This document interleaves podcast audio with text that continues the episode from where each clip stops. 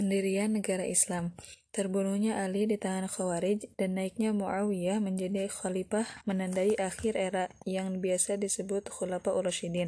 Bentuk pemerintahan dan masyarakat Islam berubah secara mendasar selama 19 tahun pemerintahan Muawiyah sejak 661 hingga 680 Masehi. Berkuasa saat perpecahan dan kekacauan menguasai Mesir sampai Iran, keahlian dan kompetensi politik Muawiyah membantu mencegah dunia Islam jatuh ke dalam anarkisme total yang karenanya mungkin tak bisa bangkit lagi.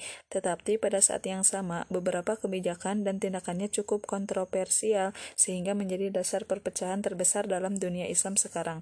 Kekuasaannya menandai awal kekhalifahan Umayyah ketika suksesi khalifah diputuskan berdasar keturunan dan tetap berada dalam keluarga Umayyah sampai 750 Masehi. Kemudian digantikan oleh keluarga tua di Mekah yang lain yaitu Abbasiyah. Muawiyah Meskipun sudah ada usaha lewat arbitrase, solusi nyata bagi perselisihan antara Ali dan Muawiyah tak pernah terjadi. Tahun terakhir kekhalifahan Ali ditandai perpecahan de facto antara kekuasaan Muawiyah dan Ali.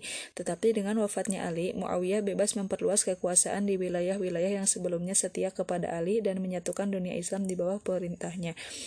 Mungkin ia memang satu-satunya orang yang saat itu mendapat dukungan untuk mengelola tugas momen Eh, monumental semacam ini. Ia sangat populer di Suriah, di Suriah, provinsi yang dipimpinnya sebagai gubernur selama 20 tahun sebelum mulai menjadi khalifah. Pasukan Suriah menjadi tulang punggung kekuatan militernya. Akan tetapi ia tetap mempunyai musuh terutama di Irak. Di sana berkembang pandangan umum yang cenderung memilih kekhalifahan diwariskan kepada Ali yang berna kepada anak Ali yang bernama Hasan. Sebagai negarawan pragmatis, Muawiyah tak ingin membawa dunia muslim dalam peperangan lagi untuk memperebutkan kepemimpinan. Jadi alih-alih memobilisasi pasukan untuk menghancurkan oposisi dengan kejam, ia menegosiasikan uh, perjanjian dengan anak Ali. Hasilnya Hasan akan menyerahkan seluruh klaim kepemimpinan dan menghabiskan hidup untuk kegiatan ibadah dan ilmu pengetahuan di Mekah.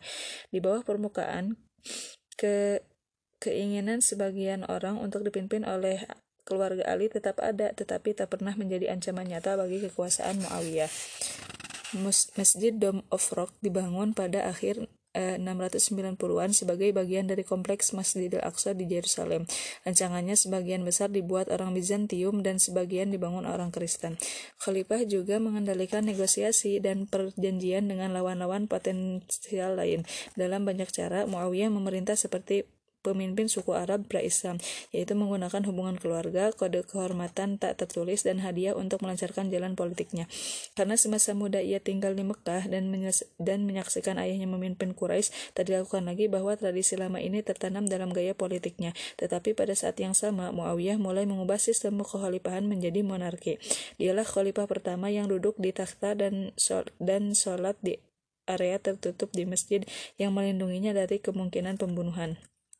Ia tak lagi mengikuti jejak sederhana dan bersahaja seperti empat khalifah pertama. Malahan budaya keluarga raja dan istana yang sebelumnya mewarnai kekaisaran Roma dan Sasanid menjadi bagian kekhalifahan. Untuk kali pertama setelah Nabi wafat, khalifah sekedar menjadi yang pertama di antara yang setara. Dan banyak kisah bertahan tentang asketisme empat pemimpin awal seperti Umar eh, yang tak dikenali orang biasa atau menolak pengawalan khusus. Muawiyah menjebatani kekhalifahan sederhana sebelumnya dan monarki sesudahnya. Ia berjalan-jalan ke pasar di Damaskus dengan baju bertambal saat masjid besar dan rumit dibangun oleh para arsiteknya. Sebagai upaya untuk mengurangi tekanan perpecahan politik di antara muslim, Muawiyah memilih fokus untuk memperluas batasan bat, eh, batas-batas kekhalifahan. Ini mengingatkan akan sosok Umar yang fokus terhadap ekspansi keluar setelah perang dalam negeri di Perang Tabuk. Muawiyah mengirim pasukan untuk meneruskan perang melawan kekaisaran Bizantium di darat dan laut. Pulau penting seperti Rhodes dan Kreta di laut uh, Aegea diduduki oleh angkatan laut yang didirikan Utsman. Didukung kemenangan ini, untuk kali pertama pasukan Muslim mampu mengepung Konstantinopel, ibu kota Bizantium. Kota legendaris ini dipandang penting sejak hari-hari awal Islam saat Nabi menjanjikan bahwa akhirnya pasukan Muslim akan menaklukkan kota yang jauh dan uh, seolah tak tertembus. Salah satu sahabat Nabi yang gugur adalah Abu Ayyub Al-Ansari yang sudah tua. Dia terkenal karena memberikan tempat menginap saat Nabi memasuki Madinah. Ia dikubur di dekat dinding Konstantinopel dan hampir 800 tahun kemudian akan menjadi legenda penuh mitos bagi pasukan Ottoman eh, yang akhirnya mampu menguasai tembok Konstantinopel. Ekspansi juga berlangsung ke Afrika Utara, tempat Bizantium masih memiliki kendali atas wilayah barat Libya modern. Lingkaran Umayyah yang mengendalikan daerah barat Mesir adalah Uqba bin Nafi, sahabat Nabi yang berasal dari Mekah. Pada 670 Masehi, ia diperintahkan untuk maju ke Bizantium Afrika sehubungan dengan kemajuan yang menjalar masuk ke wilayah Bizantium di Aegea. Pasukan Uqba terdiri atas 10.000 tentara berkuda yang didukung sejumlah besar suku lokal e, Berber yang baru saja masuk Islam. Karena Bizantium terlena dengan medan pertempuran lain, Uqba bisa maju tanpa perlawanan untuk masuk ke Tunisia modern. Di sana ia membangun kota uh, garnisun Koirawan.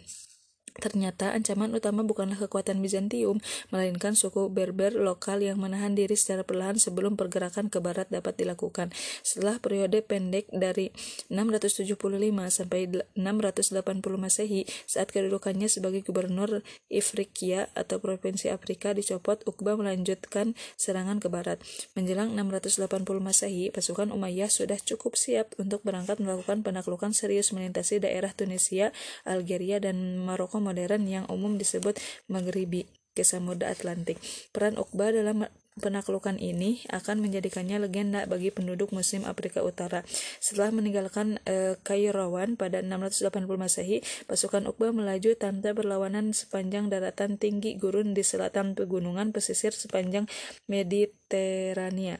Maju dari satu pos terdepan Bizantium ke pos berikutnya, pasukan Uqba mampu menganeksasi dengan relatif mudah wilayah ratusan kilometer sepanjang pantai walaupun perpecahan dan perang saudara berkecamuk di jantung kekhalifahan Islam. Salah satu penjelasan yang mungkin tentang penaklukan yang tampak e, menakjubkan ini adalah perbedaan bahasa, budaya, dan agama antara Berber Afrika Utara dan penguasa Bizantium. Orang Bizantium yang memerintah Afrika Utara berbeda jauh dari orang Berber yang mereka kuasai. Suku Berber adalah manusia gurun lebih dekat dengan orang Arab yang tiba pada 600-an daripada orang Latin dan Yunani uh, kota yang telah berabad-abad memerintah wilayah tersebut. Bahasa mereka tak punya kesamaan dengan bahasa Yunani yang digunakan dalam pemerintahan. Hanya sedikit orang Berber yang uh, mengubah cara hidupnya dan uh, mempelajari bahasa gubernur mereka. Kurangnya ciri budaya yang sama menjadikan perbedaan sosial yang uh, ajek di antara keduanya. Asimilasi penuh orang Berber ke dalam masyarakat Roman atau Bizantium sangat langka. Akan tetapi sepertinya agama menjadi faktor yang lebih besar yang membuat Berber mendukung pasukan musim Arab. Sejarah sejarah awal Islam mencatat bahwa seluruh suku Berber masuk Islam e, segera setelah kedatangannya. Tentu ada perbedaan antara orang Afrika Utara dan Bizantium dalam isu Kristiani, terutama soal bentuk ketuhanan dan kemanusiaan. Gerakan Kristen separatis seperti Arianisme dan Donatisme secara terbuka memperdebatkan ortodoksi resmi yang diperkenalkan orang Bizantium dan mungkin telah menyebabkan orang Afrika Utara cenderung lebih dekat dengan Islam. Tetapi walau tak segera masuk Islam, seperti diklaim penulis sejarah terdahulu, suku Berber pasti punya alasan praktis untuk bangkit melawan Bizantium bersamaan dengan kedatangan pasukan Muslim. Hal ini memungkinkan pasukan Uqba untuk terus mendapatkan momentum seperti yang terjadi pada uh, sepanjang awal 680-an sehingga mampu memasuki Maroko modern dan pantai Atlantik. Kata-kata legendaris yang terucap saat dia mengendarai kudanya memecah ombak samudra menunjukkan sifat religius yang mendalam pada penaklukannya. Ya Allah, jika laut ini tidak menahanku, aku akan melintasi daratan seperti Alexander Agung, mempertahankan agamamu dan memerangi orang kafir. Benar atau tidaknya ia mengucapkan kata-kata itu tak sepenting gambaran heroik yang muncul dalam pikiran sebagai generasi pemimpin militer yang akan membangkitkan Islam Maghribi konflik suksesi. Meskipun berhasil menyatukan dunia Islam setelah kekacauan pada masa Khalifah Ali, ada satu keputusan Muawiyah yang menjadikan sebagai menjadikannya sebagai karakter kontroversial dan e, mengubah bentuk pemerintahan Islam selama 1300 tahun berikutnya. Ia menunjuk Yazid anaknya sebagai penerus tepat sebelum wafat dan menuntut sumpah setia dari orang-orang termuka di, di Damaskus. Ahli sejarah Islam sepanjang waktu berspekulasi mereka mereka reka alasan Muawiyah melakukan itu, terutama mempertimbangkan oposisi terhadap Yazid. Tetapi mengingat konteks historis pada masa Muawiyah, kita mudah memahami mengapa terjadi perubahan ke sistem keturunan. Masa Muawiyah menjadi khalifah menunjukkan penekanannya pada kesatuan dan keharmonisan politik. Setelah pergolakan politik pada masa Khalifah Ali, tantangan Tantangan utama Muawiyah menjaga dunia Islam terpadu di bawah satu pemerintah. Walaupun ia sukses besar, tak ada jaminan seluruh khalifah berikutnya mampu memanfaatkan ancaman luar atau um, manuver politik untuk meminimalkan perpecahan internal. Dengan demikian, Muawiyah merasa bahwa satu-satunya cara untuk melindungi persatuan dan keharmonisan sosial adalah dengan memotong kemungkinan perang suksesi dan menjadikan kekhalifahan berdasar keturunan. Akan tetapi seperti yang telah terjadi, pemilihan Yazid bukannya tanpa kontroversi. Tak seperti ayahnya, Yazid belum pernah mengenal langsung Nabi dan tak memiliki aura yang terlihat pada para sahabat. Selain itu ada rumor yang beredar di kota suci Mekah dan Madinah tentang kehidupan Yazid yang penuh dosa. Alkohol, gadis penyanyi, dan kemewahan berlebihan mengiringi kehidupan Yazid, jauh dari gaya hidup beriman dan sederhana seperti yang didakwahkan Nabi. Benar atau tidak, tuduhan ini cukup bagi sebagian orang untuk memberontak seperti Abdullah bin Zubair, anak yaitu anak Zubair yang menentang Ali. Permasalahan bertambah pelik karena sebagian orang di Irak ingin menyaksikan keturunan Ali mendapatkan gelar khalifah di dunia Islam. Hasan, anak tertua Ali, sudah wafat di Mekah eh, pada pemerintahan Muawiyah, maka dukungan pun jatuh ke tangan Husain adiknya. Cucu Nabi Muhammad ini tertarik dengan kota Kufa di Mesopotamia karena janji dukungan pendudukan karena janji dukungan penduduknya. Menentang saran Abdullah bin Zubair yang memperingatkannya bahwa orang Irak akan membelot begitu ada kesempatan, Husain bersiap mendirikan basis di Irak pada 890 Masehi agar dapat menentang Umayyah di Suriah, seperti yang dilakukan ayahnya 25 tahun lalu. Saran Abdullah terbukti tepat, penduduk Kufa melepaskan dukungannya kepada Husain bahkan sebelum ia sampai. Yazid telah mengirim uh, gubernur baru ke kota tersebut untuk membasmi setiap oposisi yang memastikan penduduk tidak bangkit memberontak melawannya. Tampaknya aksi uh, tampaknya aksi anjuk kekuatan Yazid telah mendesak penduduk kota untuk mengingkari janji dukungannya kepada Hussein. Padahal Hussein mengandalkan dukungan tersebut dan berpergian ke Kufa hanya dengan sekitar 70 anggota keluarga dan sahabat. Hampir tak mungkin punya kekuatan untuk menggulingkan Yazid. Di padang Karbala yang ber, yang ber, ya berjarak sekitar 80 km di utara Kufa, Hussein dikepung oleh kekuatan Yazid yang kemudian membunuh dia dan pengikutnya. Perang Karbala nantinya menjadi salah satu legenda tentang pendirian aliran baru yang berbeda yaitu Syiah. Pemberontakan Abdullah bin Zubair tak lebih baik hasilnya setelah membunuh Hussein. Masyarakat di dunia Islam e, umumnya mendukung perlawanan terhadap pemerintahan Umayyah. Lagi pula Hussein adalah cucu kesayangan Nabi. Pembunuhan keturunan Nabi mengejutkan banyak pengikut yang soleh. Abdullah menggunakan oposisi terhadap Yazid untuk mendukung pemberontakannya sendiri melawan Bani Umayyah. Ia, menyer ia menyatakannya di Mekah pada 680 Masehi. Dengan dukungan semacam itu, pemberontakan Abdullah tak bisa ditumpas semudah Hussein. Bahkan Yazid tak pernah mampu memadamkan pemberontakan di Hijaz dan meninggal pada 683 Masehi tanpa kekuasaan penuh di kekhalifahan. Setelah kematian Yazid, kendali Bani Umayyah seolah runtuh di mana-mana di dunia Islam. Penerus Yazid yaitu seorang anak muda yang sepertinya tak tertarik pada pemerintahan hanya berkuasa selama beberapa bulan hingga kematiannya. Abdullah menyatakan diri sebagai khalifah dan mendapat sumpah setia dari penduduk Irak, Mesir, dan bahkan golongan pinggiran Suriah itu sendiri. Akan tetapi melalui perpaduan antara politik kesuk kesukuan dan pertempuran terbuka, Bani Umayyah mampu mengambil alih kendali kekhalifahan di bawah Marwan, salah satu keponakan Muawiyah. Di bawah Marwan dan anaknya Abdul Malik, Bani Umayyah mengambil kembali kendali atas Suriah, Mesir, dan Irak dan akhirnya memadamkan pemberontakan Abdullah bin Zubair di Mekah pada 692 Masehi. Bani Umayyah bangkit dari ancaman kepunahannya untuk memperoleh kembali kendali penuh atas kerajaan Muslim. Ini pasti bukan kedamaian dan keselarasan yang diharapkan Muawiyah saat menunjuk putranya sebagai khalifah. Akan tetapi, begitu Bani Umayyah mengambil kendali, periode perang saudara antara 680 dan 692 Masehi seperti tak lebih dari cekukan kecil. Pada akhir 600-an dan awal 700-an Bani Umayyah melanjutkan periode kedua ekspansi militer cepat dan pertumbuhan ekonomi yang akan menandingi periode mana pun dalam sejarah Islam sebelum dan sesudahnya. Fakta bahwa Bani Umayyah menaklukkan sebagian besar e, Iber, Liber, Iberia hanya dalam waktu 4 tahun dengan beberapa ribu prajurit menandakan bahwa mereka mendapat dukungan dari penduduk lokal. Penaklukan lanjutan Konsolidasi penuh dalam penaklukan Uqba di Afrika Utara harus diselesaikan sebelum penaklukan lanjutan dapat dilaksanakan. Khalifah Abdul Malik mengirimkan pasukan untuk menaklukkan Kartago, pos luar terakhir di bawah kontrol Bizantium di Afrika Utara pada 698. Dengan demikian, daerah terakhir Bizantium Afrika Utara lenyap setelah penguasaannya dipaksa mundur ke Sisilia dan Yunani. Sekarang tentara Islam melengkapi salah satu penaklukan paling spektakuler dan tak dapat dipercaya dalam sejarah. Legenda menceritakan seorang bekas petinggi Bizantium yaitu Julian memohon kepada gubernur muslim Afrika Utara yang baru untuk menghukum raja Visigot Visigotik dari semenanjung e, Iberia e, Roder Roderick Sang raja dituduh menggoda anak perempuan Julian saat di bawah perlindungannya. Julian bahkan berjanji menyeberangkan menye, menyeb, menyeberang, menyeberangkan kekuatan ekspedisi Islam melintasi selat ke Spanyol untuk menuntut balas raja tiran tersebut. Benar atau tidaknya keberadaan Julian, laporan tentang kerusuhan di Spanyol Visigotik ditambah permohonan kaum Yahudi dan Kristen dan Ortodok yang uh, teraniaya tentu mengaruhi keputusan untuk menyeberangi selat dan pergi ke semenanjung Iberia.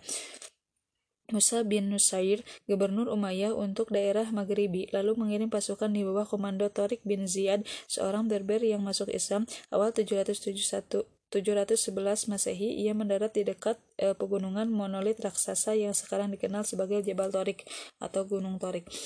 Diinggriskan menjadi Gibraltar. Dari tempat ini, Torik memimpin pasukan menyerbu ke sepanjang selatan Spanyol yang terbukti berhasil, terutama sejak Roderick dan pasukan besar Visigotik yang ada di utara semenanjung sedang menghadapi pemberontakan Baskui. Saat Roderick bisa mengarahkan pasukan ke selatan untuk e, mengadang tentara Muslim pada musim panas 711 Masehi, Torik sudah berhasil membawa sekitar e, 10.000 tentara Muslim dari Afrika Utara. Dalam perang e, Guadeloupe yang menentukan, pasukan Torik berhasil menghancurkan kekuatan Roderick yang pasukannya mengalami penurunan kesetiaan akibat perjalanan melelahkan untuk melawan penyerbu Muslim. Roderick sendiri terbunuh dalam pertempuran dan kelemahan mendasar kerajaan Visigotik langsung uh, kentara. Kendali pusat runtuh di seluruh semenanjung. Torik terus bergerak untuk menguasai ibu kota uh, tua Toledo lewat pertempuran selama beberapa bulan dan tak lama sesudahnya kota-kota pun mulai berjatuhan ke tangan muslim. Atasan Torik yaitu Musa juga menyeberang ke Spanyol untuk e, membantu penaklukan yang sedang berlangsung. Torik adalah penakluk dan Musa adalah konsolidator. Saat kekuasaan ekspedisi pemimpin e, pimpinan Torik menguasai kota-kota jauh ke utara hingga lembah Ebro, pasukan Musa yang lebih besar melanjutkannya untuk menerapkan hukum Islam penuh di wilayah taklukan dan membentuk pemerintahan sipil.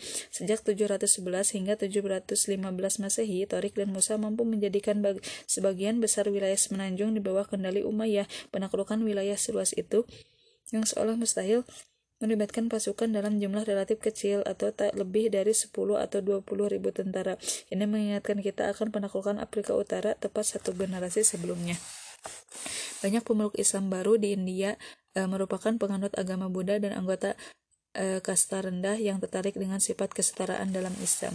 Penyerbuan lebih lanjut ke selatan, masuk ke Galia, awalnya terbukti sukses seperti penaklukan Spanyol. Pasukan Muslim berhasil maju sampai bagian selatan Prancis modern, menerapkan aturan Islam di Aquitaine dan Sep Timania pada 720 Masehi. Puncak invasi eh, Islam ke Galia terjadi pada 732 saat pasukan di bawah gubernur Muslim Andalusia Abdurrahman al-Gofiki dikalahkan pasukan uh, Prancis yang dipimpin Charles Martel di Perang Tours Utara Prancis. Arti penting pertempuran ini menjadi bahan perdebatan para ahli sejarah. Sebagian berpendapat bahwa kemenangan Islam akan membuka jalan pada penaklukan penuh Eropa dan perpindahan agama ke Islam pada 700-an. Sedangkan yang lain mengecilkan pertempuran tersebut dengan menyatakan gerak maju Al-Gofiki ke utara Prancis tak lebih dari penyerbuan musim panas tanpa bertujuan menaklukkan. Penting atau tidaknya pertempuran itu masih bisa diperbantahkan, tetapi kita e, menyoroti implikasi penerapan hukum Islam di Prancis dan sekitar kelahirannya bagi sejarah Eropa pada abad pertengahan. Ekspansi Umayyah awal abad ke-8 menjadi luar biasa karena tak terbatas pada Afrika Utara dan Spanyol. Secara bersamaan di sisi yang eh, sebaliknya dari kerajaan, pasukan Umayyah bergerak maju menuju daerah tak dikenal yang bahkan pasukan Alexander pun tak berani mendatanginya. Pendorongnya adalah kapal dagang muslim yang kembali dari Ceylon atau Sri Lanka sekarang. Usai diserang bajak laut yang bermarkas di pojok barat laut India atau Sindh. Eh, saat pemimpin kerajaan Sindh atau Raja Dohir menolak e, mengembalikan tawanan muslim yang ditangkap dari kapal, pasukan Umayyah kembali ditugaskan untuk memperluas batas-batas kerajaan. Di bawah komando Muhammad bin Qasim, anak muda yang berasal dari suku Tokif di Taif atau kota yang sama dengan e, yang menurut cerita tradisi Islam tak dihancurkan Nabi Muhammad. Walaupun masih remaja, Ibnu Qasim terbukti mampu menjadi pemimpin di bawah pengawasan Hajjaj bin Yusuf, gubernur Irak. Bersama 6.000 tentara Suriah, ia dikirim melintasi Persia dan masuk anak benua India pada 711 Masehi eh, tahun yang sama saat Tariq bin Ziyad masuk ke Spanyol. Setelah mereka mencapai sungai sungai Indus, beberapa komunitas kecil menyerah karena dijanjikan kebebasan beragama. Dibantu pejabat-pejabat kuil Buddha, pasukan muslim menguasai setiap kota dengan perlawanan relatif kecil. Akhirnya pasukan Ibnu Qasim bertemu Raja Dohir dalam peperangan di sepanjang sungai Indus dibantu penduduk lokal yang tak puas dengan kekuasaan Dohir. Pasukan muslim mampu menghancurkan pasukan Sindi. Dohir sendiri terbunuh dalam pertempuran atau gajah perangnya tak bisa mengandang eh, tidak bisa mengadang anak panah api yang dilontarkan pasukan muslim seperti di Spanyol kekalahan dalam perang utama dan kematian raja mengakibatkan keruntuhan pemerintahan setempat secara total. Pasukan Muhammad bin Qasim menyapu bersih sisa-sisa perlawanan terorganisasi dalam hitungan bulan dan menegakkan hukum Islam di Sindh. Sebagian India pun segera berada di bawah kekuasaan muslim walaupun akan butuh waktu berabad-abad sebelum kelompok muslim mampu menegakkan kendalinya lebih jauh di anak benua tersebut. Bagi masyarakat Sindh penakluk Penaklukan Islam tidak mengubah kehidupan sehari-hari terlalu banyak. Berdasarkan nasihat atasannya di Irak, Ibnu Qasim memberikan kebebasan beragama bagi umat Buddha dan Hindu seperti yang diberikan kepada umat Kristen dan Yahudi di tempat lain dalam dunia Islam.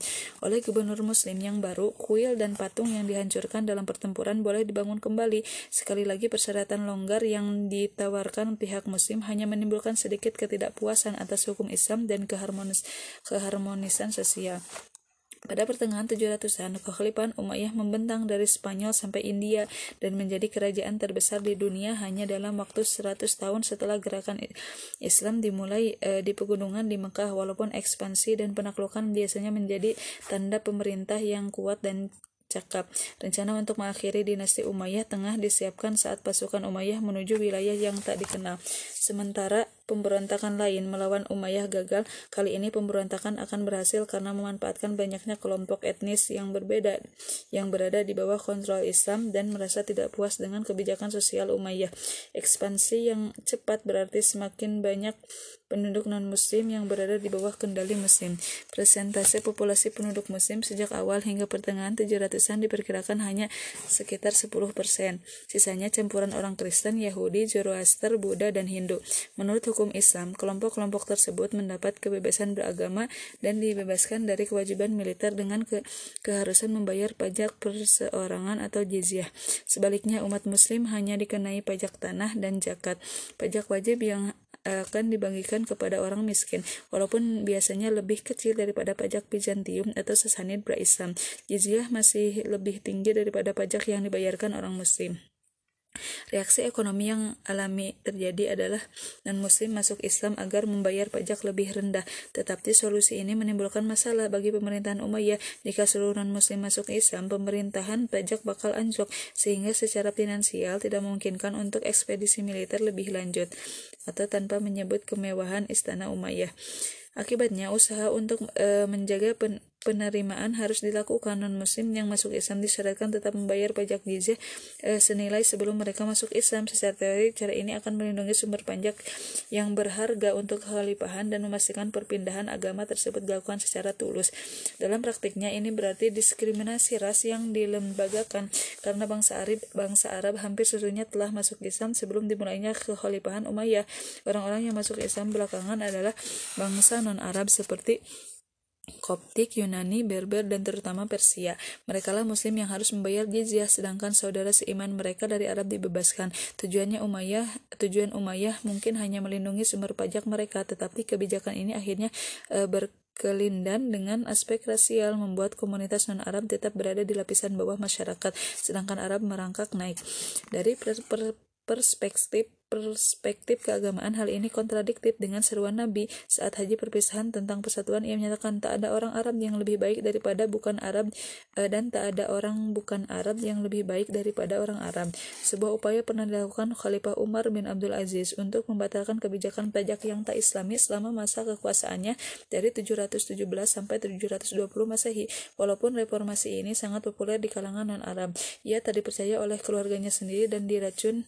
Bani Umayyah hanya dua dua tahun setelah berkuasa. Orang-orang Islam berikutnya memberi gelar kehormatan kepada Umar II sebagai Khulafa Urasidin kelima karena e, reformasi e, bernapaskan agamanya yang ia lakukan tetapi pada akhirnya kekuasaannya tak lebih dari sekedar gangguan kecil bagi kebijakan Umayyah. Dengan demikian, dengan uh, semakin meningkatnya jumlah non-Arab yang masuk ke Islam, ketidakpuasan akan kebijakan pajak yang tak setara pun berkembang. Menunggangi gelombang ketidakpuasan ini, keluarga tua lain dari Mekah bangkit untuk mengambil alih kekhalifahan, yaitu Bani Abbasiyah. Revolusi Bani Abbasiyah Bani Abbasiyah mendapatkan namanya dari paman Nabi, yaitu Abbas, yang menjadi kepala keluarga klan tersebut. Mereka bermukim di tanah sebelah timur sungai, Yordan setelah penaklukan Suriah dan secara umum menjauhkan diri dari politik saat perang saudara berkecamuk pada 600-an. Akan tetapi pada awal 700-an mereka mulai mengembuskan rumor bahwa salah satu keturunan Ali secara resmi telah memindahkan hak kekuasaan kepada, kepada Bani Abbasiyah. Mengapa ia melakukannya atau Apakah memang itu terjadi masih merupakan misteri. Dari sudut pandang praktis, hal ini memberikan legitimasi kepada Bani Abbasiyah. Mereka tak hanya lebih dekat hubungannya dengan Nabi daripada Bani Umayyah, tetapi juga mengklaim akan menegakkan keinginan kalangan yang mendukung keturunan Ali sebagai pemimpin dunia Islam.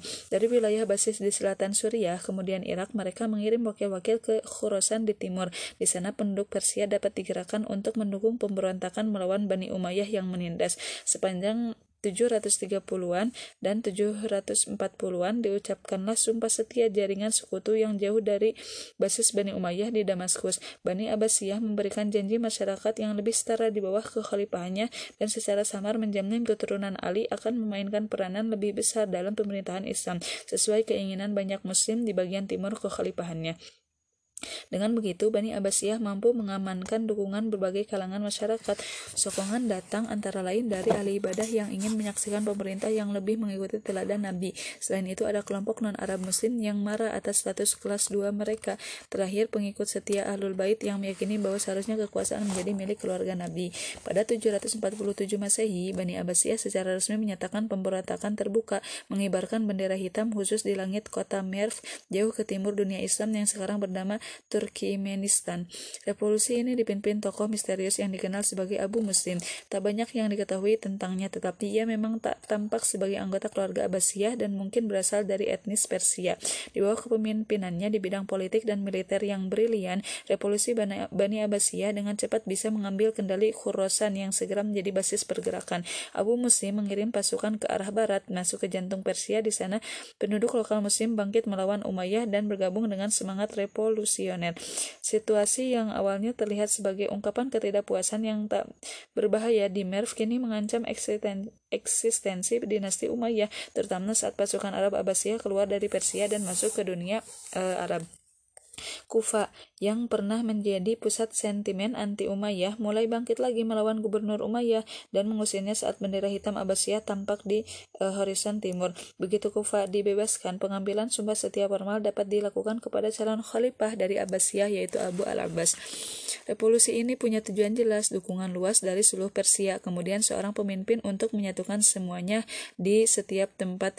Umayyah berada dalam posisi bertahan saat semakin banyak orang berkumpul mendukung Abbasiyah. Sementara itu, upaya membangkitkan pendukung Umayyah ternyata bukan perkara mudah. Sudah beberapa dekade berlalu sejak ancaman nyata terhadap posisi Umayyah mulai muncul, tetapi pejabat pasukan Suriah hanya berdiam diri dan dengan keliru menganggap kekuatan revolusi itu perlahan-lahan akan surut. Saat Khalifah Marwan II berhasil mengumpulkan kekuatan Umayyah, Abbasiyah telah mengambil kendali atas sebagi, sebagian besar Irak.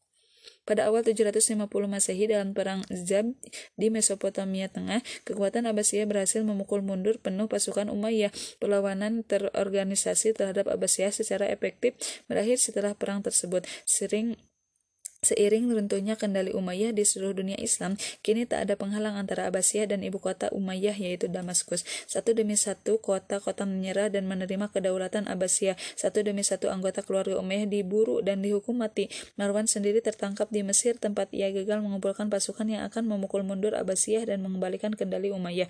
Hanya satu anggota keluarga Umayyah yang berhasil lolos dari revolusi Abdurrahman yang masih remaja, anggota keluarga Umayyah yang relatif tak dikenal, mampu lolos dengan menyamar ke Afrika ke utara. Ia dikejar-kejar pasukan Abbasiyah dari Palestina ke Mesir sampai Maghribi dan hanya dikawani oleh budak yang pernah bekerja untuk keluarganya. Perjalanan legendarisnya membawa ia sampai ke Andalusia. Di sana ia mendirikan Emirat Umayyah jauh dari jangkauan Abbasiyah yang akan bertahan hampir selama 300 tahun.